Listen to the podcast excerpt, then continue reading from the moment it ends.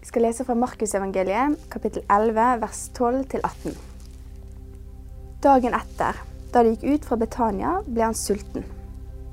Langt borte så han et fikentre med løv, og han gikk for å se om han kanskje kunne finne noe på det. Men da han kom bort til det, fant han ikke annet enn blad, for det var ikke fikentid. Da tok han til orde og sa til det, aldri i evighet skal noen mer ete frukt av deg. Og hans disipler hørte dette. De kom så til Jerusalem, og han gikk inn i tempelet og begynte å drive ut dem som solgte og kjøpte i tempelet. Og han veltet pengevekslerens bord og duekremmerens benker. Og han tillot ikke noen å bære kar gjennom tempelet. Og han lærte dem å sta. Står det ikke skrevet, mitt hus skal bli kalt et bønnens hus for alle folk? Men dere har gjort det til en røverhule. Dette fikk yppersteprestene og de skriftlærde høre. Og de prøvde å finne råd til å få ryddet ham av veien. For de fryktet for ham, for hele folket var slått av undring over hans lære. Palmesøndag kom Jesus ridende inn i Jerusalem som konge. Men mandagen er svært forskjellig.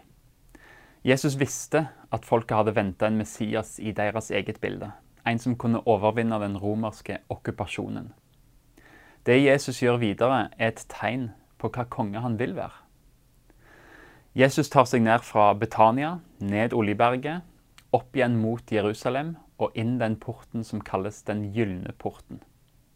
Der vil nå jødene forvente at Jesus skal ta til høyre, for der ligger den romerske festningen Antonia. Den ultimate plassen å starte en revolusjon på. Men Jesus svinger til venstre til tempelplassen, til stedet for bønn og tilbedelse. Det er bare det at en hadde ikke plass til å be og tilbe der. For på tempelplassen var det salgsboder og pengevekslere. Bønnens hus hadde blitt ei røverhule. Og Jesus blir sint. Han jager ut pengevekslere og kjøpmenn. Han totalrenoverer sentrumet for tilbedelsen.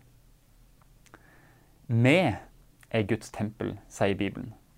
Og det er i hjertene våre, senteret for vår tilbedelse, at Jesus vil regjere som konge. Hjertet ditt skal være et bønnens sted. Hva har det blitt? Vil du la Jesus rense det? Jesus kan komme som konge i ditt liv denne påsken. Men hvis Jesus skal få være konge, så må han få være nettopp det. Hvis han ikke er herre over alt, så er han ikke herre i det hele tatt. Han må få slippe til i hele ditt liv, med lys på synden og med tilgivelse og renselse. Hans herredømme er ikke alltid komfortabelt, men det er fordi han pusser opp hjertet ditt til å bli et tempel som er beboelig for en konge. Til slutt i dag. Jesus kommer inn i Jerusalem som om han er en ny konge. I tillegg antyder han langt på vei at tempelet tilhører han. Og hvem var han som kunne si at det som skjedde i tempelet var synd snarere enn tilbedelse? Om ikke de religiøse lederne hata Jesus før, så gjør de det i alle fall nå. De vil dømme han for blasfemi. Jesus går med vitende vilje inn i dette. Det er ingen vei tilbake nå. Han vet at det han gjør denne uka, kommer til å ende med hans død. Men han har en god grunn til å holde ut alt det som skal skje med han. Gleden han har i vente. Gleden over at det er deg han går i døden for. Gleden over en evighet sammen med deg. La oss be. Herre, vær meg nådig i din kjærlighet. Stryk ut mitt lovbrudd i din store barmhjertighet. Vask meg rein for skyld, og rens meg for min synd. Mot deg alene har jeg synda. Det som er vondt i dine øyne, har jeg gjort. Derfor har du rett når du taler. Du er rein når du feller dom. Ta bort min synd med ditt blod, så jeg blir rein. Vask meg så jeg blir hvitere enn snø. La meg få oppleve fryd og glede. La lemmene du knuste, få juble. Skjul ditt ansikt for mine synder. Utslett all min skyld.